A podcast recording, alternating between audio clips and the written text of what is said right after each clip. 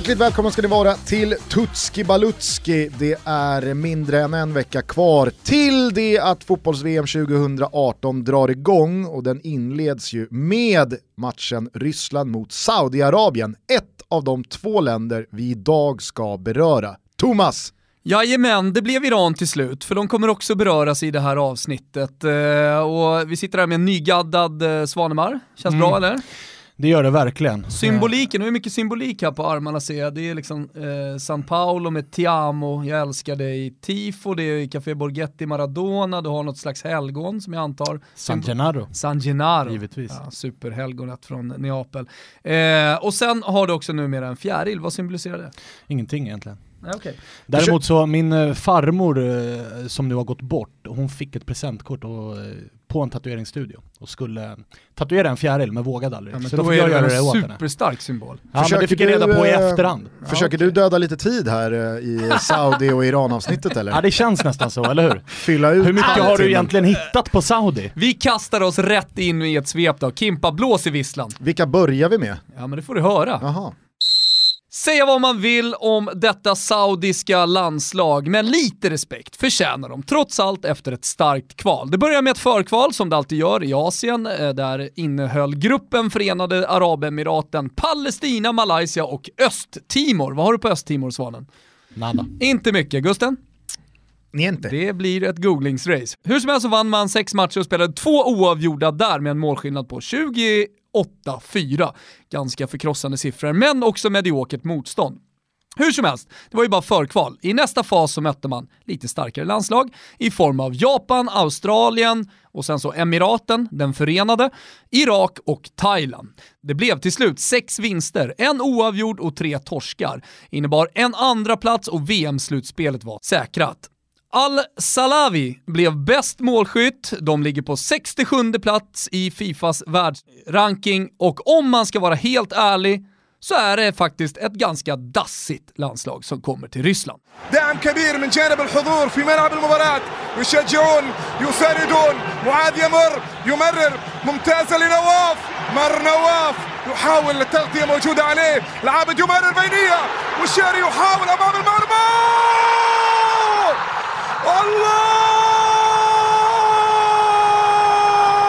الله الله يا تيسير والأخضر يبدأ بقوة ويسجل هدف الدقيقة الخامسة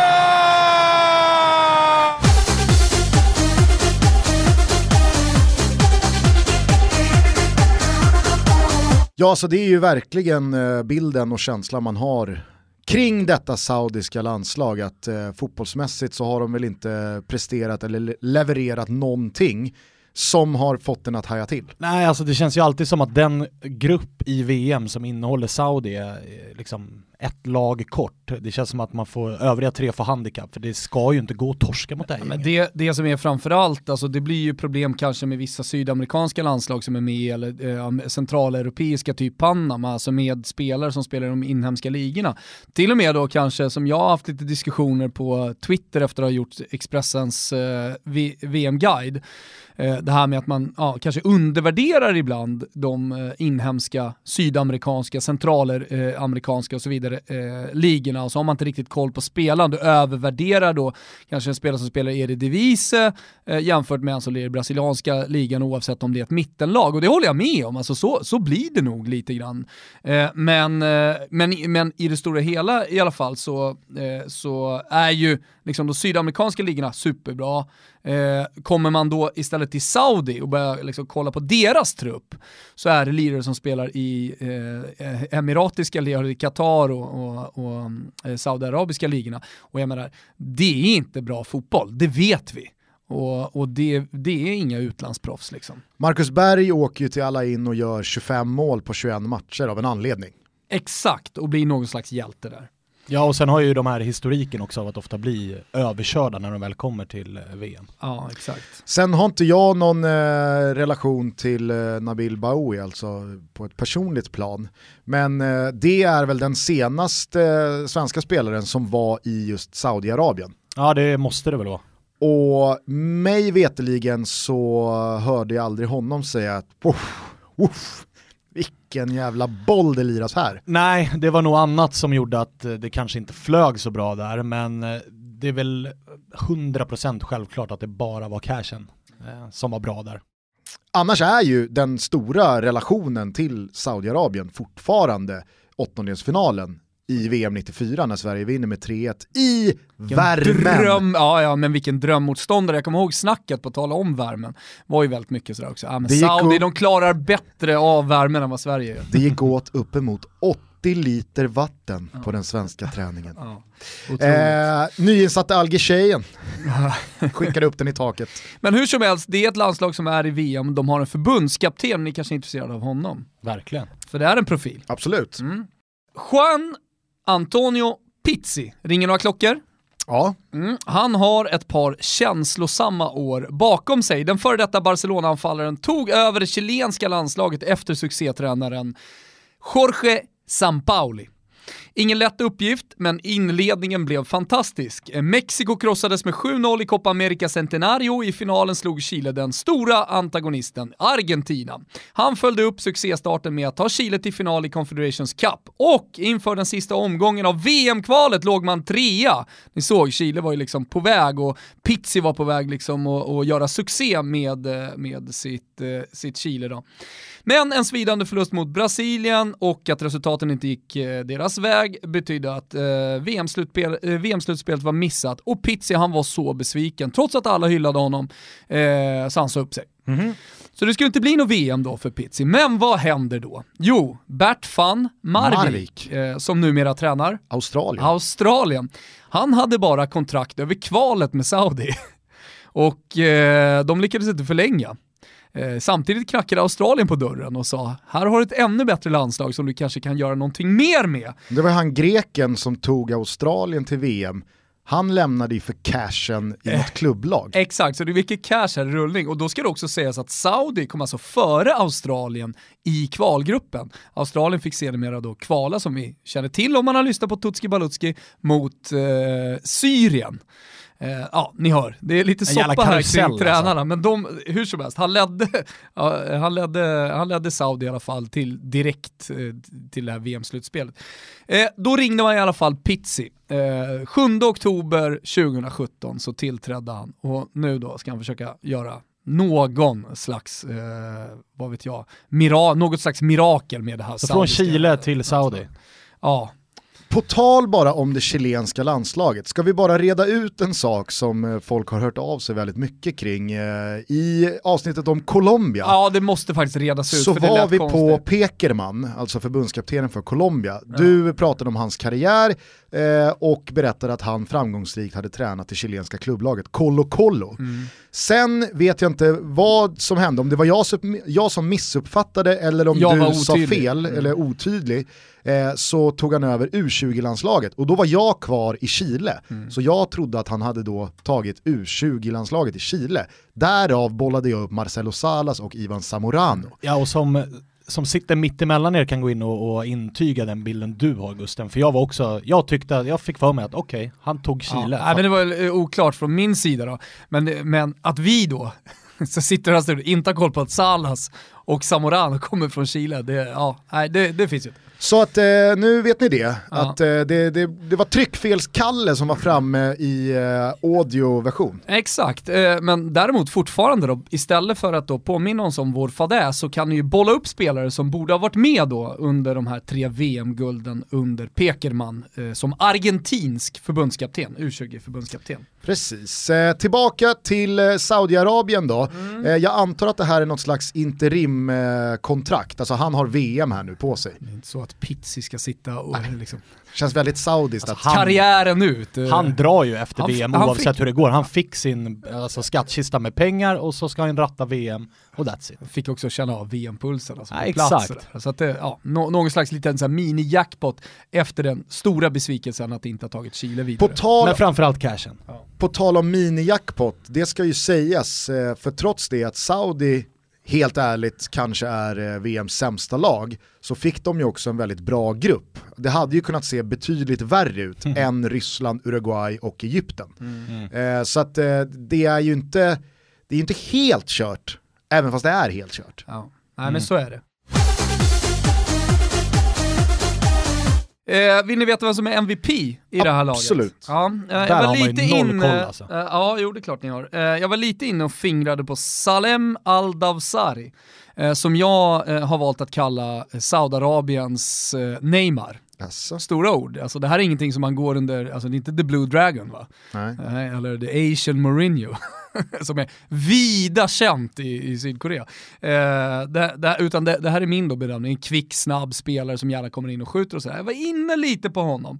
Men i slutändan så måste jag ändå välja eh, eh, eh, navet i detta eh, Saudiarabien som ska hålla ihop laget. Han är jätteviktig, han heter Yahya Al-Sheri. Yahya Al-Sheri, Yahya Al-Sheri. sheriffen. Ja, som vi kallar honom i, i Toto Balotto. Sheriffen. Ja, men han är playmaker. Eh, det är genom honom alla bollar ska gå. Eh, han har en hyfsad vision för spelet. Det är alltid så svårt att bedöma, men det, Han har alltså en hyfsad vision ja, men det är så jävla för svårt för att liksom, om hans edge är att ha en bra liksom, spelförståelse så måste man ändå lägga in någon slags disclaimer. För om jag sitter här och pratar om honom så han har riktigt bra spelförståelse. Det har han ju liksom i förhållande till alla andra saudiarabiska spelare, men i förhållande till VM som vi ändå är i och de spelare som är där så har ju inte det. Och kanske framförallt i förhållande till att du knappast har sett honom särskilt mycket. Det här har man ju läst sig till. Alltså de här gubbarna ser man ju inte till vardags. Nej, och det, det är ju omöjligt att Exakt. göra det. Var spelar han sin fotboll? Eh, jo, jag ska berätta det. Algeri spelar sin fotboll i, ja, Leganes. Ja, ja, ja. ja. Men, eh, Algeri är ju en av de spelarna som eh, alltså gick, en av tre spelare som gick till eh, La Liga. Och då kommer vi in på snackisen, för det här är lite, förutom förbundskaptenen som är såklart eh, snackis, eh, att eh, Pizzi kommer in med all den erfarenhet han kommer. Eh, kolla på en bild på Pizzi, bakåtslickat, ganska högt eh, hårfäste, riktigt skön argentinsk gubbe. eh, Liksom, eh, mycket produkter, det är inte Mimmo Crescito, produktfritt. Upprättelse alltså för det höga hårfästet. Jo men det tycker Som jag med backslicket, alltså vissa gubbar de tycker jag bär upp det riktigt bra. Ja, ja. Eh, han är en av dem. Ja. Eh, sliskig skulle några ha sagt, jag, skulle, jag, jag säger bara eh, pondus. Ja, men många minns säkert det här. Det var ju eh, stora rubriker kring eh, denna utpytsning av saudiska eh, spelare till den spanska eh, fotbollen. Både La Liga och Segundan i vintras. Och var det inte så att förbundet gick in och står för lönerna i någon form av samarbete med eh, Saudiarabien? Kan tänka mig att det har skickats en del deg från, så att i slutändan är det nog ändå oljepengar som men- står för de där lönerna, men någon form av utbildning då? Men som jag uppfattar det som så är det ju som du säger, alltså, så att det är ju en slags förberedelse på sina nyckelspelare att komma till, till VM i bättre form eh, och kanske då ha sparrats mot bättre spelare hela tiden. Problemet är att det är ju bara Algeri som har fått en match. Övriga två gubbar har inte spelat någonting, så det har bara blivit träning. Det var väl Därför- fler? Nej, tre, tre spelare var det som kom. Jag vill Det var minnas att det var, om- det var minnas att det var fler som Ja, stod med det de var- där matchtröjorna på den där Ja. eh, bilden. Ja, men jag tror att det blev att eh, klubbarna gick väl in och sa nej, för att förbundet står väl för dem och sen bestämde förbundet Ja, vart de synkad. skulle spela. Så att det, det Synkad föll väl, historia eh, det där. Ja, jag, kan inte, jag kommer inte ta gift på det, men jag har också för mig att det var fler, men att det var många klubbar som sa att nej, vi tänker inte ta emot någon spelare här. Nej. Ja, men, eh, så är det och ja, det kanske var några fler. Jag hittade i alla fall bara tre eh, och då får man väl rätta oss om jag har fel. Det är inte, hela, det, det är inte grejen, men, men liksom att man skickade de här spelarna, precis som du säger. Eh, man, man fick väl pengar då från förbundet och sen så lyckades det inte. Jag tycker att det säger en hel del också om det här saudiska landslaget och deras kvalitet. Får jag ställa en eh, demografisk fråga här kring truppen? Är Saudiarabien ett ålderstiget landslag eller eh, är, är det ett ganska ungt gäng det här? Eh, nej, det är väl så här mittemellan. Det är varken det liksom mest åldersstigna eh, liksom stigna, eh, landslaget, men det finns heller inte alltså, några 19-åringar med i truppen som drar ner det. De, de, har, de har några lite yngre spelare. Det är vare sig hackat eller malet. Nej, exakt. Vem är då stjärnskottet? För jag antar att eh, den gubben inte är 30 plus. Nej, han är inte tv- eh, 30 plus. Eh, och då har jag valt eh, ingen mindre då än Mohamed Al-Shalawi. Mohamed Här Al-Shalawi. borde ni kanske ha hört någonting tidigare om honom, eller? Nej, jag kan... Eh, 38 inte- matcher i, det, i, i landslaget, 28 mål. Om, man då, Oj. om, man, om man räknar både med, vad är det? Det dribblas mycket. Jo men det är för att ha koll här Gusten. Ja. Eh, om man räknar då både med förkval och kvalet så gjorde han 16 mål. Så eh, Al-Shalawi spelar i Al-Nasser, det har ni i alla fall koll på. Det är ja. ett av de stora lagen. Eh, där nere. Eh, och en, en jättestjärna, han fullständigt sprutar in mål eh, i den inhemska eh, ligan. Och här finns det också en detalj. Är att han tränade ju med Manchester United, så precis på samma sätt då som de här eh, La Liga-gubbarna skickades till Spanien, eh, så åkte han då personligen och tränade med, pröjsade antar jag, Manchester United för att få då extra träning inför VM. Okej. Okay. Men det blev inget. Men bra, bra målsnitt. Men det måste väl också vara vårt äldsta stjärnskott, men, men rätt befogat då med tanke på den eh, formen han har visat. Ja men Eller? exakt. Uh, ja, uh, han, det, här, det här är en gubbe som är 31 år. Ja. Så han var 30 plus? Ja, han, ja men han var 30 plus. Alltså stjärnskottet. Jo men va, alltså, jag skulle kunna välja ut någon här som inte kommer få speltid. Mohamed Kano till exempel, storvuxen mittfältare som klubben eh, Al-Hilal tror väldigt mycket på. Ja, nej, Har en del kvaliteter och så vidare. Det är skönt att välja ett stjärnskott också kanske som inte är ung. Det är egentligen det vi har gjort och det är ah, väl kriterierna. Liksom. Ja, här har vi en late bloomer. Kimpa du kan väl bara klippa in hur jag bollade upp stjärnskottet och hur, hur det lät när ja, Thomas var Jag lyssnar inte riktigt på det. Vem är då stjärnskottet? För jag antar att eh, den gubben inte är 30 plus. Nej, han är inte 30 eh, plus. Eh. Ja, spännande då. Eh, snackisen har vi gått igenom, det är eh, dessa La Liga-gubbar och förbundskaptenen. Vad har man egentligen för förväntningar på laget då? Vi var inne på gruppen, man premiärar mot Ryssland, sen väntar eh, Uruguay och Egypten. Mm. Och då kan jag väl då läsa upp eh, förväntningarna från Wael Jabir som ansvarar då på sajten, fotbollssajten. adaf.me härlig adress, eller hur? Me. Ja. Det är ingen startsida. In general, I'm not quite optimistic about Saudi.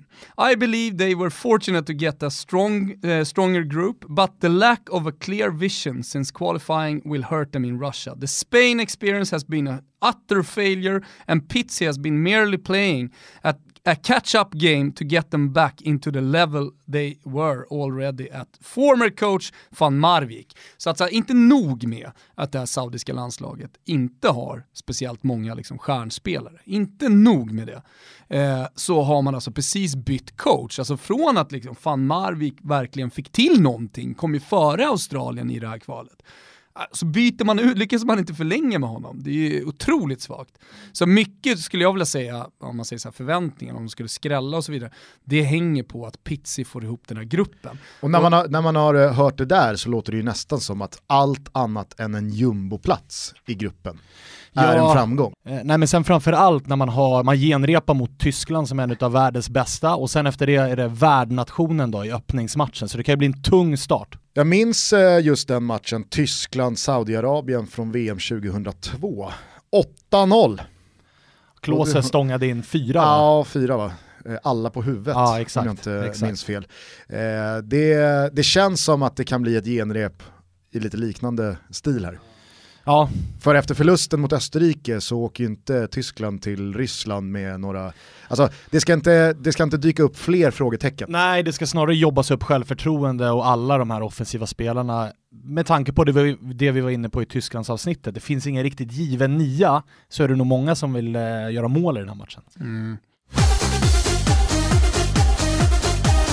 Vi är väldigt glada över att vara sponsrade av Sonos och när man hör Sonos så tror jag många tänker på toppljud och det kan jag verkligen bekräfta. Jag har installerat det hemma. Eh, det var väldigt enkelt, eh, framförallt då när det är klart eh, efter någon halvtimme, ja, så har man ett riktigt, riktigt bra ljud på, på hemmaplan. Då. Gusten, nu har det varit din tur mm. att installera. Uh, har jag rätt eller? Ja, men jag kan gladeligen nog rygga den beskrivningen. Det var faktiskt väldigt, väldigt lätt. Det man älskade mest var ju att det inte fanns liksom 24 olika delar i kartongen ja, man sprättade upp. Ja, det, var, det, var, ganska lätt att säga, ja, här är den, här är den och där är vägguttaget. För mig så är så här, bra ljud hemma alltid varit förenat med kablar och massa svårigheter och det är balanser och vad det heter, equalizer och sånt där som ska ställas in. Allt sånt där finns ju såklart i Sonos-appen, men den installerar allting åt dig. Du går bara runt med telefonen, driver ut andarna och tar in det bästa jävla ljudet man kan tänka sig. Och det var ju modernt också, det var ingen gammal bruksanvisning och 900 steg, utan det var ju in i eh, eluttaget, ladda ner appen och sen så är det bara att följa steg för steg. Ja. Så att oerhört enkelt. Om man trots detta skulle misslyckas så erbjuder ju Sonos en riktigt bra customer care. Jag kan ju säga det att eh, jag hade, det är ju på grund av min TV som är lite, ja, eh, lite till åren, så behövde jag lite hjälp att få till surroundljudet på TVn. Det visade sig sen att allt ljud alltså som kommer från tvn är ju inte surround. Så att jag menar när du kollar på, vad vet jag, någon jävla SVT-dokumentär från 73 så får du inte surround-ljud för att det går liksom inte ut. Men då fick jag hjälp. Det tog liksom 10 minuter så ringde de tillbaka och så löste vi den situationen. Så den kan jag verkligen eh, gå i god för. Hörni, eh, vi är väldigt glada som Thomas redan har sagt att Sonos är med i Tutski Balutski-båten. Gå in på sonos.com ni också och eh, bilda er en uppfattning om vad det är för jävla paradis de erbjuder. Puss till er i alla fall Sonos! Tack! Vi är ju sponsrade av Betsson och det är vi väldigt glada över eh, att ni gör den här podden möjlig. Och under godbitar och boostade odds så har vi till varje nation ett eh, så kallat rubelspel. Ett lite, längre, ett lite längre spel på varje land. När det kommer till Saudiarabien, hur låter det då Thomas? Ja men det är väldigt enkelt. Eh, Saudi går ju mållösa från det här. Oavsett om vi nu bollar upp Al-Salawi eh, och hans målproduktion, men det är trots allt mot betydligt sämre motstånd och man hamnat helt okej okay här då, då med, med Ryssland kanske som inte är at their best, men de har ett Urre som är riktigt bra. Och slutligen Egypten. Mm, exakt, och Egypten är rätt tuffa defensivt också, alltså så här, och Ryssland är rätt tajta med. Alla de tre lagen ah, de har i gruppen är ju rätt starka defensivt. Exakt, och det, det, är det jag känner och då, då är det någonting som ska hända här och någonting som jag verkligen tror på så är det att de får gå mållösa. De kanske gnetar till sig ett kryss i någon av de här matcherna, jag har ingen aning. Men, men mål gör de inte. Och då kanske via 0-0 då. Mm. Så att eh, Saudiarabien att lämna VM-turneringen utan att ha gjort ett enda mål, det finns under godbitar och boostade odds hos Betsson.com och när ni väl är där så rekommenderar jag er varmt också att eh, fylla i deras VM-tips. Man lägger 100 spänn på valfri VM-marknad innan torsdag 14 juni och sen så fyller man i eh, vilka man tror vinner respektive grupp, vilka som kommer tvåa och sen hela slutspelsträdet. Den som sätter det Hen vinner 250 miljoner. Ja men så är det. Vår gubbe till slut då, i Saudiarabien, det är ju någon vi ska sitta och hoppas på. Och då är ju den erfarne, härlige Taisir Al-Yassim. Han som har spelat flest landskamper, 128 stycken, har gjort 18 mål, lirar på mittfältet. Eh, han, är no han är den enda med någon slags kvaliteter tycker jag, någon slags stabilitet i det här laget. Någon som ska, kan hålla ihop det, går in stenhårt i närkampen och så vidare. Han får vara våran gubbe. Hur är hans vision? Hans vision är usel. alltså, är han krigar i alla fall och vi gillar krig. Det här är ju också den bästa kategorin i de här länderna som är, man vet det kommer inte bli någonting. Så ändå, man vill ändå ha en gubbe ja, och exakt, känna lite exakt. med. Exakt, så känn med honom, vi håller tummarna för att han kanske, ja, inte får in en pyts, men att han drar på sig ett rött kort eller någonting roligt. Härligt då, vi rör oss vidare i detta avsnitt, eh, nämligen till Iran, detta efterfrågade land som faktiskt eh, stod för en hel del bra grejer i VM sist för fyra år sedan.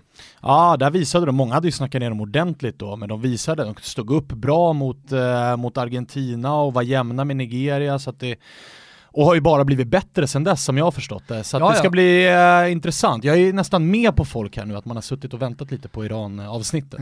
ja, kanske det. Eh, det man kan säga om Iran, precis som ni är inne på, är väl att de har ett av de bästa landslagen som man någonsin har haft och man tror väldigt mycket på dem.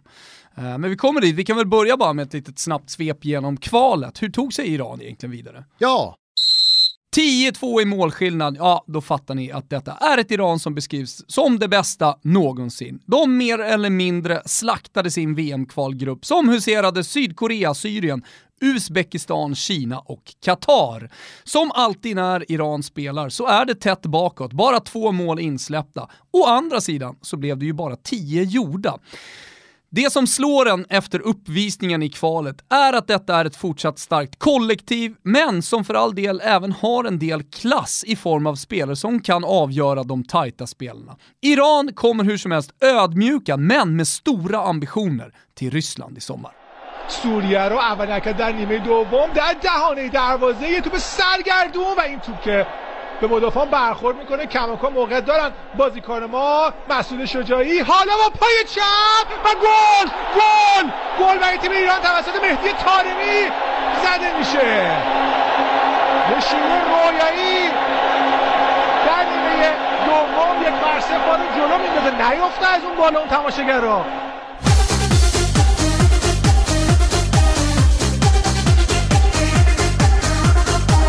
Alltså 10-2 i en uh, sån där grupp, det är ju som du är inne på imponerande åt uh, framförallt det defensiva hållet. Det måste ju varit 1-0 gånger 8 typ. Ja.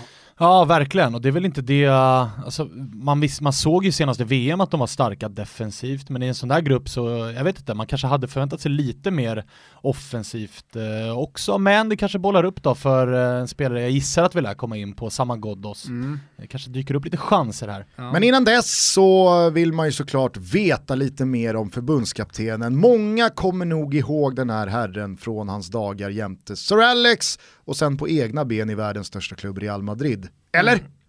Det tror jag nog. Eh, vi ställer frågan i eh, Expressens VM-guide, eller Noah Bachner som har ställt frågan. Eh, as, eh, Sir Alex-assistenten Carlos Queiroz, är han ens bra? Så jag ställer frågan till er, är han ens bra? Vad säger ni?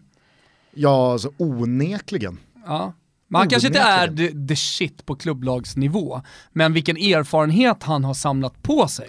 Ja men alltså gått bredvid Sir Alex, varit i Real Madrid, så vem är jag att säga att han är dålig då? Mm. Han kommer hur som helst från Mosambik, han har hunnit bli 65 år eh, gammal. Och det han har gjort med Iran är att han har skapat ett välorganiserat lag och det är ju det liksom allting kommer ifrån Sir Alex-tiden alla som kommer in på planen för Iran, de vet precis vad de ska göra. Om de inte gör det, då blir det pinnen hörni gubbar.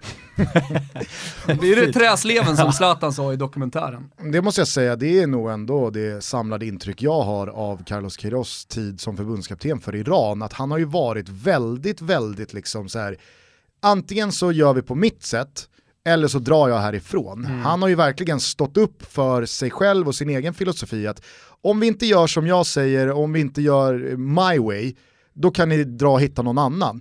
Så att eh, han har ju varit väldigt liksom så här, inte uppkäftig, det kanske är fel ord, men alltså han har verkligen satt hårt mot hårt när eh, förbundet har försökt typ kuva honom. Och verkligen fått med sig spelarna på det, för att det är någonting när man väl har sett Iran spela så är det ju just det att alla verkar underordna sig trots att vissa har rätt fina klubbadresser och, kanske sticker ut lite grann nu så, så eh, är det ändå ett lag där alla verkligen sliter och gör som man säger. Dessutom så verkar han ju vara lite av en eh, proffshetsare.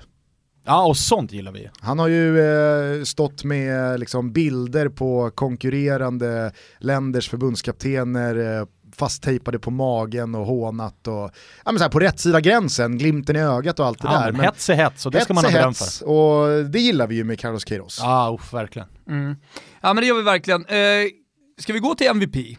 Ja, gärna. Ja, gärna. Och eh, här har ni lite koll va, på de iranska gubbarna, de bra gubbarna. Ja men de har ju verkligen kommit fram på senare år. Ja, och, och inte i några dåliga klubbadresser eller dåliga ligor. Nej, och jag landar då i AZ eh, Alkmaars, eh, härliga spelare som har sprutat in mål, inte lika mycket i Irans landslag, för de gör ju inte så mycket mål. Eh, men jag tycker ändå han blir MVP på grund av att Alltså Iran kommer komma långt på sin välorganiserade eh, taktik, de eh, kan göra som senast när de liksom tar sig vidare och sådär, men de behöver också framåt, alltså spelare som gör skillnad, spelare som kan göra sin gubbe. Så att Alireza Jahanbakhsh Jahan Baksh Fy fan, det är en bra jävel. Tufft uttal, tycker du löser det bra? Efternamnet är lurigt. Ja, jag vet inte, jag säger säkert fel, men ja. ja. ja nej, men jag håller med, alltså det, det lilla man har sett av honom gillar man och sen så är det en spelare som har ryktats till, alltså som nu under tidig sommar här ryktas till väldigt stora klubbar. Så där, där har man ja, ju verkligen liksom, en Han MVP. har ju verkligen tagit den här holländska trampolinen och gjort Exakt. någonting av den.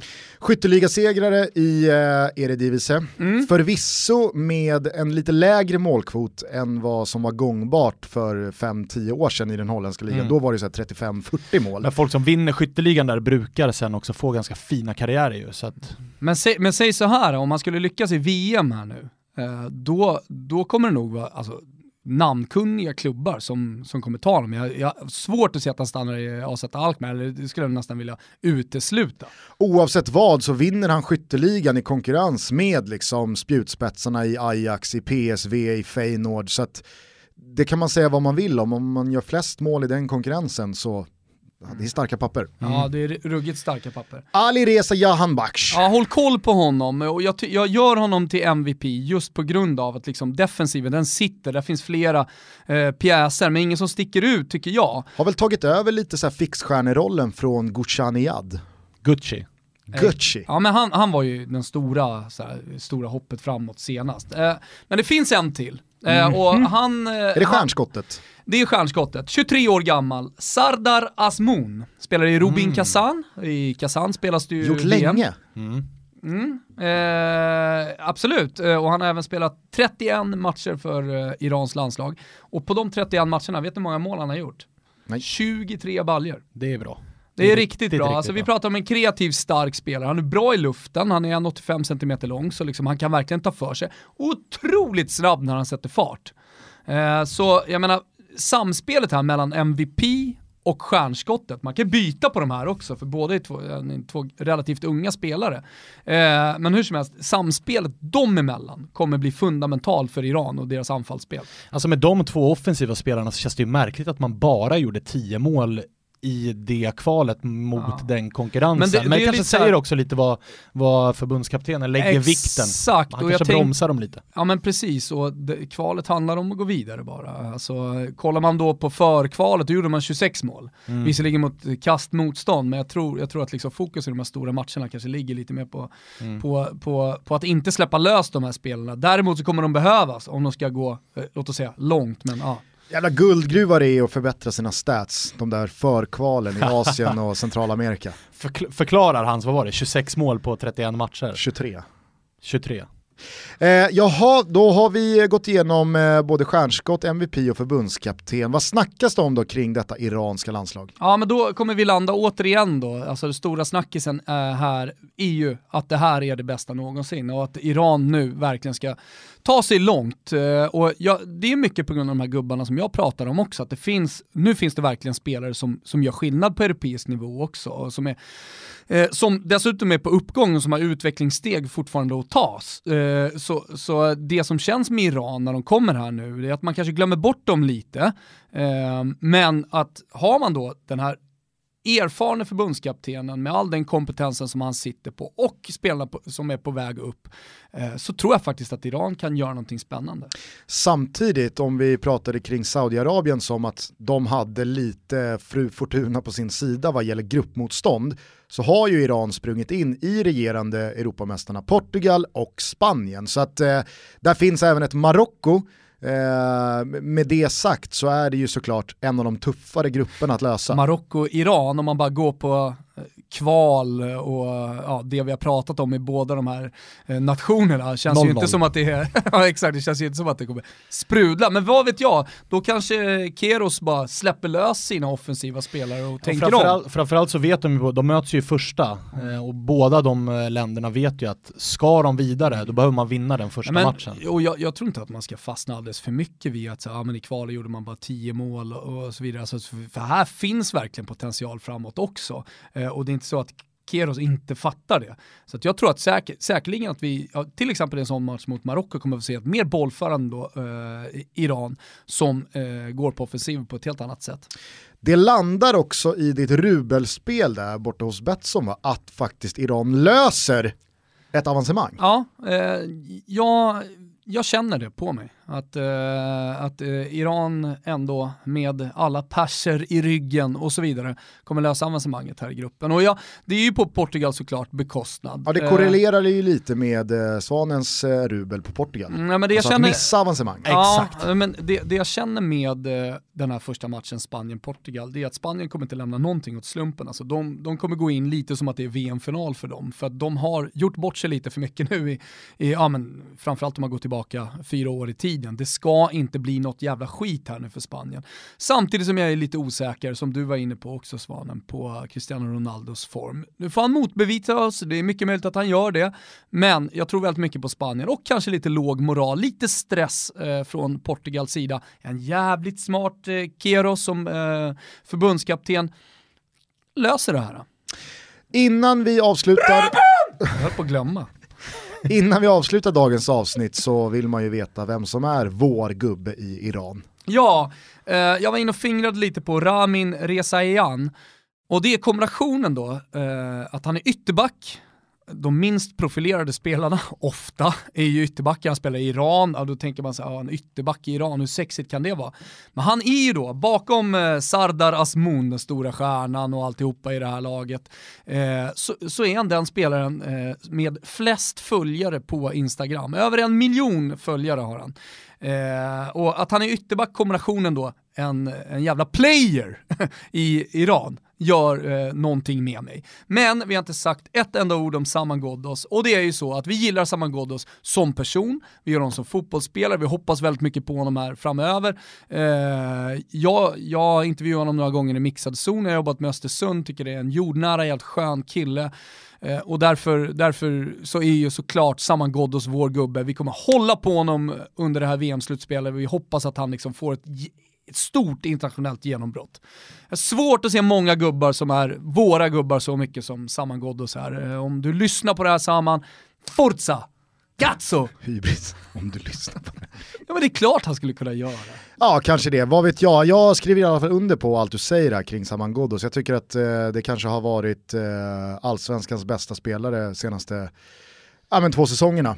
Jag skriver också under. Eh, och kanske framförallt, vi har varit inne på spelare som har gått långa vägen och varit late bloomers tidigare. Här har vi en spelare som var provspel för bara ett par år sedan och var Telefonförsäljare. Ja, exakt. Eh, så att, eh, nej, det är en spelare som verkligen förtjänar man unnar honom verkligen en, en stor framgång här i sommar och en fin flytt också. Mm, alldeles oavsett vad som händer så kommer han säkert få ett bra kontrakt i nästa han tar. Eh, hur som helst, fan kör hårt samman. Vi är många svenskar som kommer sitta och hålla tummarna på dig. Och många perser också, både nere i Iran och här uppe i Svedala. Spännande då, det var Iran och Saudiarabien. Bra jobbat Thomas. Tack så mycket. Vi, eh, Önskar du saudisk eller eh, persisk nej, musik? Det blir persisk eh, musik. Vi ska inte prata så mycket mer om Saudiarabien. Nu har vi gått igenom deras, ja, deras förutsättningar inför det här mästerskapet. Det, det, det kommer, stanna, kommer stanna i gruppspelet. Iran däremot jobbar vi, de ska ju vidare. Ja. Känslan är också att eventuell kritik, eller varför inte den delen ros, mm. på sociala medier kring det här avsnittet kommer komma från en majoritet iranier, inte saudier. nej, exakt.